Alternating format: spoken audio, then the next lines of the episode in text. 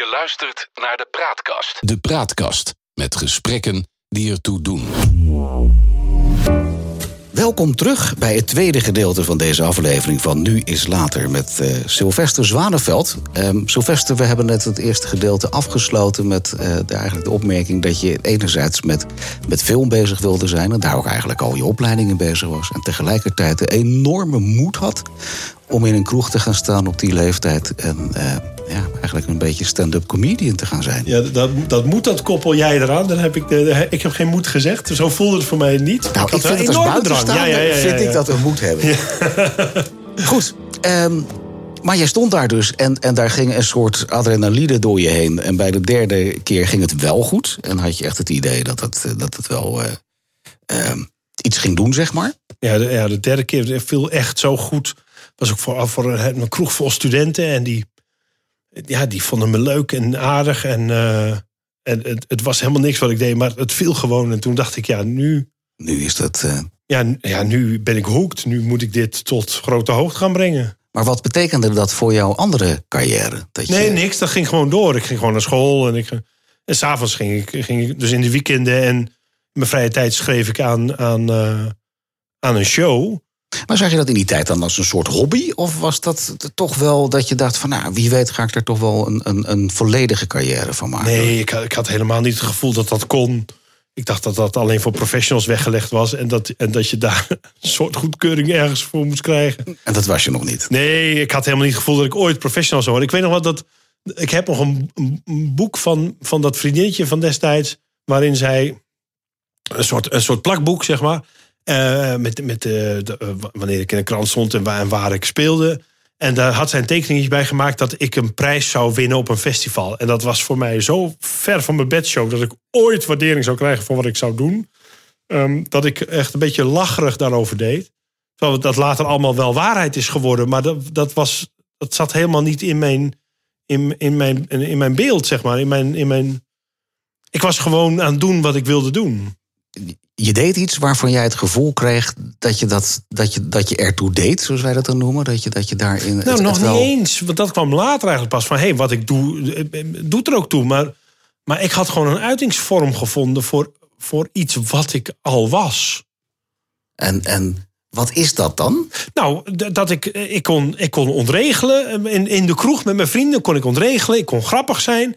Ik kon uh, uh, mensen een beetje naar mijn hand zetten uh, mensen er een beetje inluisteren. Dat, en dat vond ik allemaal heel leuk om te doen. Dan hadden we heel veel lol. Ja. En nu kon ik dat met een zaaltje, met een, met een publiekje doen. En dat gaf, dat, ja, dat gaf enorme bevrediging, omdat, omdat dat groter was dan alleen mijn vrienden. Dat waren ook vreemden die, waarbij ik dat kon doen. Dus dat was een soort, ja, wat ik zeg, een soort uiting van, van iets wat eruit. Ja, een vorm voor iets wat eruit moest. Ja. Dus eigenlijk had je geen keuze, zeg je eigenlijk. Nee, dat denk ik. Nee, eigenlijk denk ik niet. Er was, er was altijd wel zo'n soort vorm gekomen. Of dat nou in film of in animatie of in boeken schrijven. Of, maar voor mij was het theater omdat dat heel erg direct was. En heel erg paste met dat wat ik al deed. Ja, maar mag ik zeggen dat ik daar toch een verschil tussen vind zitten? In de zin dat op het moment dat jij uh, een zaal aan het entertainen bent als cabaretier. Ja. Natuurlijk, je bent met publiek bezig. Maar ik vind dat iets wezenlijk anders. Als, dat je, als, dat je, als dat je film maakt. Als dat je, uh... Nee, dat is ook wezenlijk anders. Daarom, daarom is het bij mij ook theater geworden. Omdat dat het beste paste. Dat was de beste vorm om de gekte die ik had en voelde dat eruit moest om dat eruit te gooien. Is, is dat een gekte die je hebt dan? Dat, dat, denk ik, ja. Waarom vind je dat? Nou, omdat het, omdat het ook. Um, toen ik het nog met mijn vrienden deed, best wel voor problemen zorgde. Uh, en, uh, Vertel, niet... wat, wat voor problemen? Nee, ja, nee, ja, ik was natuurlijk ook in, in de discotheek en in de kroeg dat soort dingen aan het doen. Wat, wat, wat mij ook wel eens op klappen kwam te staan omdat Om, mensen die opmerkingen ja, omdat, ze, omdat dat eigenlijk natuurlijk niet het podium is om dat te doen. Maar wij het ongenadig grappig vonden. En, en fantastisch om te doen. Ik, toevallig dat ik met wat oude vrienden weer, weer, weer wat intensiever contact heb. Die vertellen mij dingen die ik volledig vergeten ben. Maar, maar, maar dat ik dacht, waar, maar waar was ik mee bezig? Hij vertelde vorige week vertelde hij dat wij dan als hij als Captain Haddock en ik als kuifje verkleed ging stappen. En dat iedereen dat tegen mij zei, jij bent Kuifje. En dat ik zei, hoezo? hoezo? Ik heet helemaal geen, ik heet Sylvester, wat lul je nou? Ja. En, dat, en, en eh, dat daar een soort nare verwarring ontstond steeds. Dat mensen dachten, maar je bent gewoon verkleed als Kuifje, wat lul je nou? En ik net deed alsof, alsof ik gewoon Alsof mezelf was. was. ja. Ja. Ehm, wat ook op, op vechtpartijen uitliep en zo. Dat de mensen, dat weet je, wat meisjes zeiden: Jij bent kuifje. En dat ik daar niet op reageerde. En dat dan de vriendjes bij komen. En nou ga je zeggen dat je kuifje bent, want anders. en dat ik maar bleef, ja, ten, vol bleef houden. On, on- ondanks wat er ook kon gebeuren. Ehm, ja, en die, dat moest eruit of zo. Dat moest ergens naartoe. Dat moest gekanaliseerd worden. En dat was theater. Het is wel theater, maar je- je brengt het ook op een manier alsof het eigenlijk een, een, een manier van leven was voor je. Ja, ik, nou, ja, ik had daar gewoon heel veel plezier in om te ontregelen en, te, en, en, en vormpjes te verzinnen die not done waren in de locatie waar je was. eh, Je ging in de randjes opzoeken van wat Nou ja, kan. ik vond dat interessant. Ja, ik vond dat Ja. leuk. Ja, dat vond ik spannend. Maar dat is eigenlijk een beetje dezelfde lef eh, als wat dat we in deel 1 erover hadden. Dat je eigenlijk zomaar op het podium gaat staan. Ja, Want- nou, dat waren- doet niet iedereen. Hè? Nee, waar het niet dat het voor mij nooit als lef gevoeld heeft. Ik heb nooit het gevoel gehad dat ik lef had. Ik heb altijd het gevoel gehad dat ik, dat ik iets grappigs aan het doen was. Of, of, of mezelf aan het vermaken was. Of in ieder geval het leven interessanter maakte. Maar je zegt net dat je wel klappen gehad hebt. Heb je niet vaker gehad dat je gewoon bang was? Dat je denkt van, wat ben ik nou aan het doen? Nou, op het moment dat die klap op je afkomt, dan, dan wel. Maar, maar de, de seconde daarvoor niet. Nee, dan is het, dan is het gewoon humor en dan is het gewoon bezig zijn, zeg maar. ja, ja. Ja. Zodra, die op je, zodra die op je neus landt, denk je... Oh, daar lag een grens. Oké. Ja, nou ja, dat, dat kun je zo meemaken. Ja. Maar er, is een moment geweest waarop je dacht van... hé, maar ik kan hier meer mee. Het is niet alleen maar stand-up comedian in een kroeg. Ik heb het idee ehm, ja, dat ik daar wellicht wel een gedeelte van mijn carrière van kan maken. Misschien Ja. een hele carrière van kan maken. Nou, zo, zo, ja, dat, dat kwam heel laat eigenlijk. Eh, toen was ik al 30, denk ik. Dat ik dat echt dacht. Maar ik, ja, ik merkte wel dat het wel goed was wat ik deed. Dus ik kreeg goede reacties. Ik deed aan verschillende kleine festivalletjes mee. Daar werd ik altijd tweede of derde. Nooit eerste, maar altijd tweede of derde. En, eh, maar er zat mij iets dwars. Dus, dus daar ligt dan de focus. De focus ligt eigenlijk nooit op. En dat heb ik eigenlijk nooit gehad op, de, op het succes, maar altijd op dat wat ik nog niet kan. Ik weet nog dat ik, ik kon redelijk goed zwemmen. En alle keren dat ik medailles haalde, vond ik, heb ik die niet opgehaald, want dat vond ik niet interessant.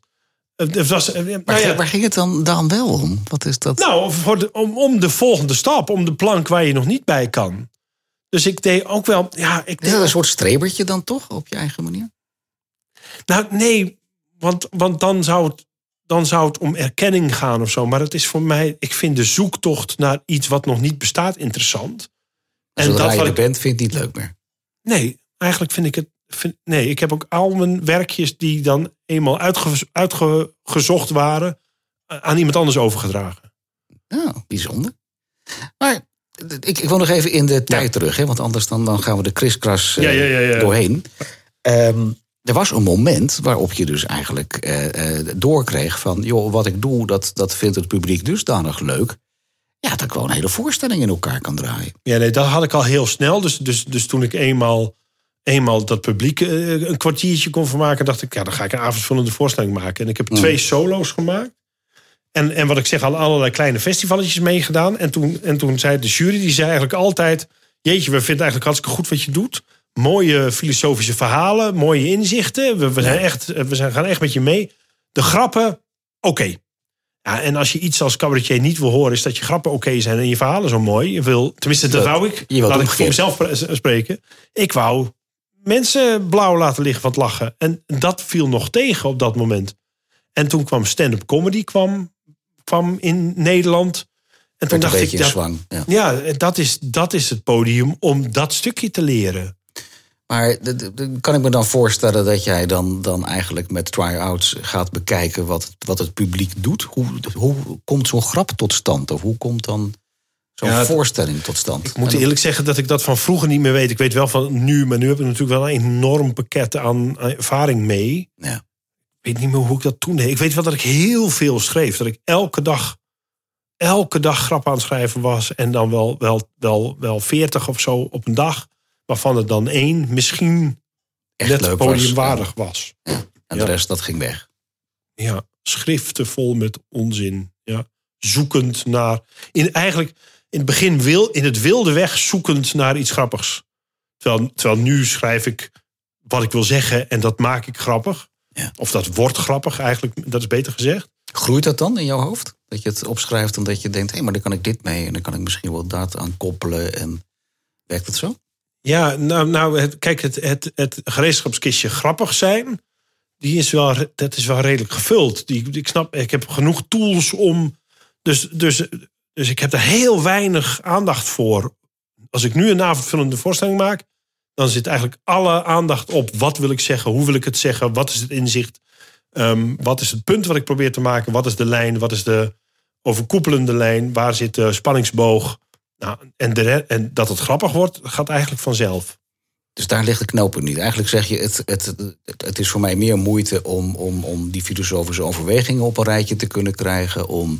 Nou, om daar origineel in te zijn en iets te zeggen wat niet, wat niet al overal op een tegeltje staat, daar zit gewoon veel aandacht. Ja. ja. En, en want je bent nu nog steeds actief met, met uh, solo-programma's. Je hebt een periode gehad dat je met Ari dingen samen deed. Daar, daar, kennen de meeste mensen je nog van. Zeker. Hoe is, dat, hoe is dat tot stand gekomen in de tijd met Ari? Nou, dat, ken je dit verhaal of niet? Nee, nee, nee anders dan vraag ik dit. Dus. Wij, wij, wij, waren helemaal niet van plan een duo te worden. Het is met, met een redelijk bekend verhaal inmiddels, maar ik zal, ik zal het toch vertellen. Um, um, toen stand-up comedy in Nederland kwam, wisten wij Nederlanders eigenlijk niet wat we aan het doen waren. Wij kennen stand-up comedy was hier in Nederland niet. En het internet bestond nog niet. Mhm. Dus de enige wat wij een beetje kenden, dat was Eddie Murphy, wat we op een dvd'tje een keer hadden gekeken. En dat was dan stand-up comedy.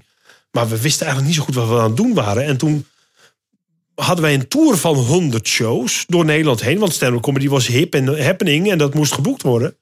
En toen, en toen maar dat was zo samen met Adi dus? Nee, dat was nog solo. Dus ik stond solo en Aris stond ook solo.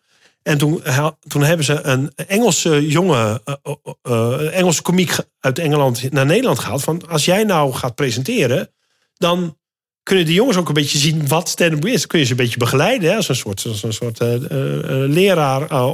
Maar, maar die jongen was in Engeland eigenlijk niet zo'n grote jongen. Maar hier in Nederland was hij de allerbeste. Want ja, hij had al heel veel ervaring. Ja, precies. Nou, ja. daar, werd hij, daar werd hij een beetje eager van. Dus hij, dus hij, hij, hij nam eigenlijk de hele show over. Wat niet de bedoeling was. En um, dus dan ging hij een half uur spelen. En dan zei hij tegen het publiek: Nou, ik gooi nu even Nederlander op het podium op. Dan had hij dat hele publiek voor zich gewonnen. En dan zei hij: Ik gooi nu even vijf minuten een Nederlander op het podium op. Ga maar even naar de wc of wat te drinken halen. Ik ben zo terug. Nou ja, dan had ik, dan, als ik dan op moest, had ik geen enkele kans. Dan, Nee. dan was het publiek echt van, nou, maar dit zit er wel even uit. Maar die andere gast was leuk. Ja. Dan deed hij weer een half uur. Dan gooide die Arie of een andere komiek het podium op. En hij had dan ook geen kans. Dus toen zei ik tegen Arie, wat nou als ik jou meteen na mijn setje aankondig? Dus, dus jij gaat meteen na mij. Dan is mijn setje weggegooid. Maar dan staat het publiek op nul. En dan kom jij en dan heb jij een kans. Als jij dat dan de volgende keer voor mij doet, dan hebben we tenminste om de keer een kans. Nu hebben we Ja. nooit een kans. Nou, goed idee. Maar dat mislukte, want ik begon Arie aan te kondigen. En hij sprong, die, die, die, die Engelse comedian sprong, sprong er tussendoor. Van, nee, nee, nee, nee, eerst ik nog. Dus ik, dus ik zeg, nou, mislukt, plannetje mislukt. Wat nou als we één grap samen doen? Dan kan hij er niet tussendoor. Oh ja, dat is goed. Nou ja, dat werd natuurlijk één grap is wel een beetje weinig. Laten we daar vijf grappen van maken. Ja. Dus we deden vijf grappen. Nou, na vier keer spelen was het dat tien grappen. En toen werden we steeds gebeld. Kunnen we jullie boeken? Ik zei, natuurlijk. Als duo. Ik zei, "Ja, we zijn helemaal geen Echt duo. duo. Hoe kom je daarbij? Ja, we- hoezo denk je dat we duo zijn? Ja, we hebben dat stukje gezien. Ja. Nou ja, nou nee, wij zijn solo. Ja, solo hoeven jullie niet. Oh, nou dan zijn we een duo. Als dit zo beter uitkomt, Ja, dan willen we het graag zijn. En toen waren we ineens een duo, zonder dat we dat van plan waren. Alleen we, hadden wel, we waren wel heel succesvol. Wat, Maar- wij, maar wat wij ik- samen deden was grappiger dan wat wij solo deden. Kende je Adi voor die tijd al? Nou, als, als collega kom Als collega kwam je hem Ja. tegen. Ja.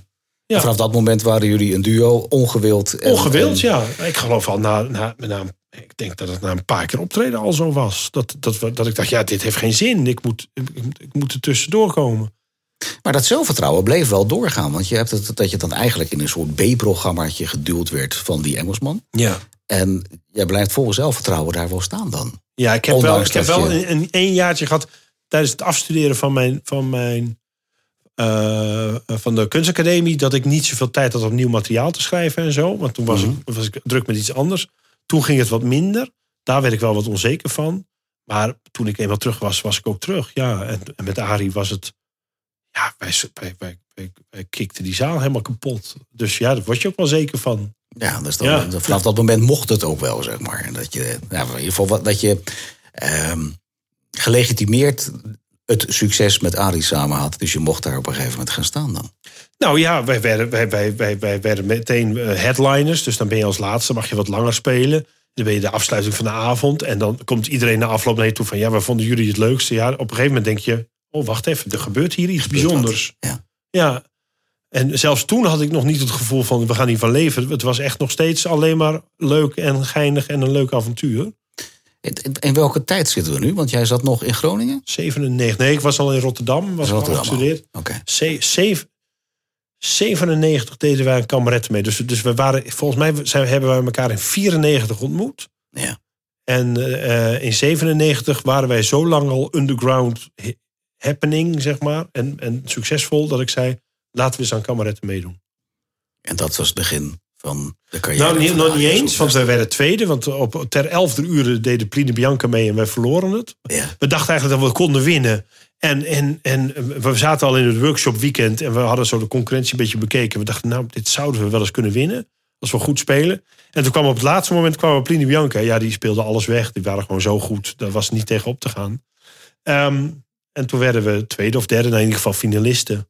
En toen dachten we, nou, nou gaat het beginnen. En toen begon, toen begon er helemaal niks. Is eh, drie maanden stilgebleven. Niet één boeking, terwijl ik daarvoor had ik heel veel boekingen.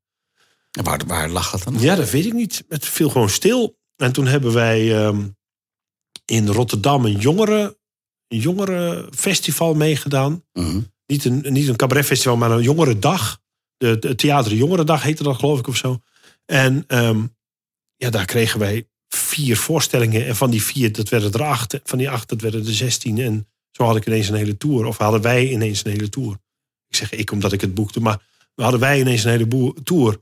En pas twee jaar later heb ik Mojo gebeld. Van, hé, hey, we gaan hartstikke goed. We hebben nog steeds geen impresariaat. En toen zei ze, wat? Heb je geen impresariaat? Kom maar hier. Ja. En toen, en toen hadden we pas een impresariaat.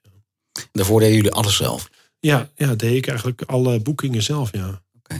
Ehm, wat, wat was dat magische wat je met Arie samen had? Ja, dat was best wel gek. Want ik vond eigenlijk mijn collega's... Hè, we, we- we- we- heb ik het over Schudden en over, over Erik Koller... En, eh, die ook begonnen in die tijd. Nou, dat zijn ook cabaretiers. Wie zijn dat? Ja, wie zijn ja, de dat zijn ook cabaretiers. Nou, Erik Koller staat inmiddels... Schudden is inmiddels gestopt. Ja. Eh, Erik Koller staat in Cirque du Soleil. Dus dan weet je een beetje wat van de kwaliteit. Ik vond eigenlijk wat zij deden veel beter. Ja. Maar wij waren de juiste man op het juiste, met de juiste toon op het juiste moment. Wij, wij waren Hebben jullie als duo ook blijkbaar in die tijd? ja, wij waren. Nou, ik weet nog dat wij. Toevallig werk ik nu met Freek de Jongens samen. Ik had het er met hem over dat Arie Wester eigenlijk een rechtstreeks antwoord op Freek de Jonge was. Freek de Jonge was literair en, en, en, en, ehm, en, en, en- en verhalend en een hele show. En ik, ik weet nog dat ik tegen Arie zei van... ja, maar ik, ik weet helemaal niet hoe de wereld in elkaar zit. Ik heb, geen, ik heb helemaal geen boodschap. Ik, Ik heb geen clue. nou, ik, heb, ik ben zo, we zijn nog zo jong. Moeten wij, moeten wij nou tegen mensen die, die 20 jaar ouder zijn, 30 jaar ouder zijn, zeggen wat ze, hoe ze moeten leven? Weet ik veel. Ik heb geen idee. Weet je wat ik wel weet? Hoe je lol moet maken. Dat weet ik wel. Ja, ja. En dat zijn we gaan doen. En, en daarmee waren we eigenlijk een, een, ja, zetten we ons eigenlijk af tegen wat Freek deed. En, en deden wij het, het tegenovergestelde. En dat paste heel goed bij ons. En daar was enorme behoefte aan bij de jeugd. Want, want eh, bijna alle theaters kwamen na afloop van die de eerste jaren naar ons toe. en Zeiden, nou, we hebben een zaal vol jeugd. Dat hebben we hier nooit. Al die mensen die hier nu zitten, die zijn nog nooit in het theater geweest. Nee, die kwamen wel voor Arie en, En kwamen, Sylvester ja, in die die kwamen voor ons. Ja. Ja, je zei in, in aflevering 1 dat je nou niet echt zo'n zo'n goede teamspeler bent. Nee. Maar met Arie was je blijkbaar wel een team. ja, organisch ging dat heel goed. Dat ja. Vanaf de start, denk ik, hè, als ik je zo hoor. Dat je dat eigenlijk een bepaalde klik met hem had.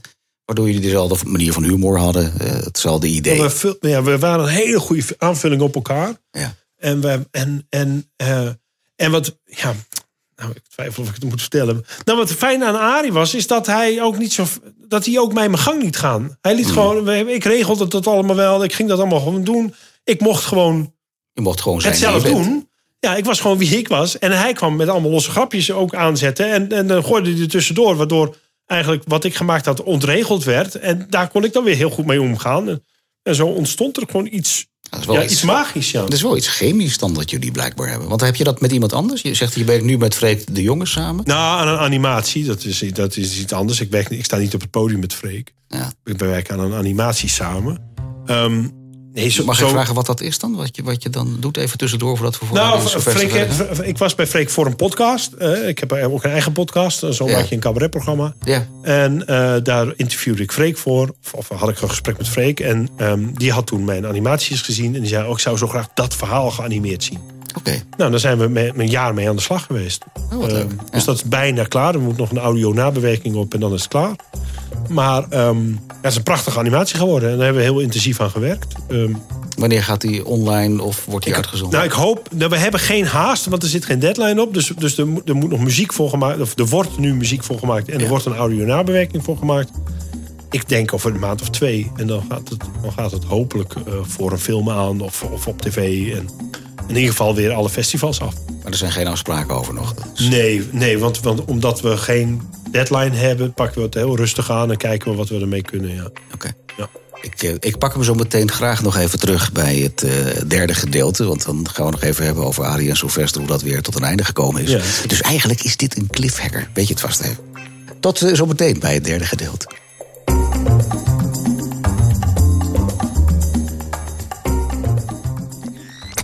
De Praatkast.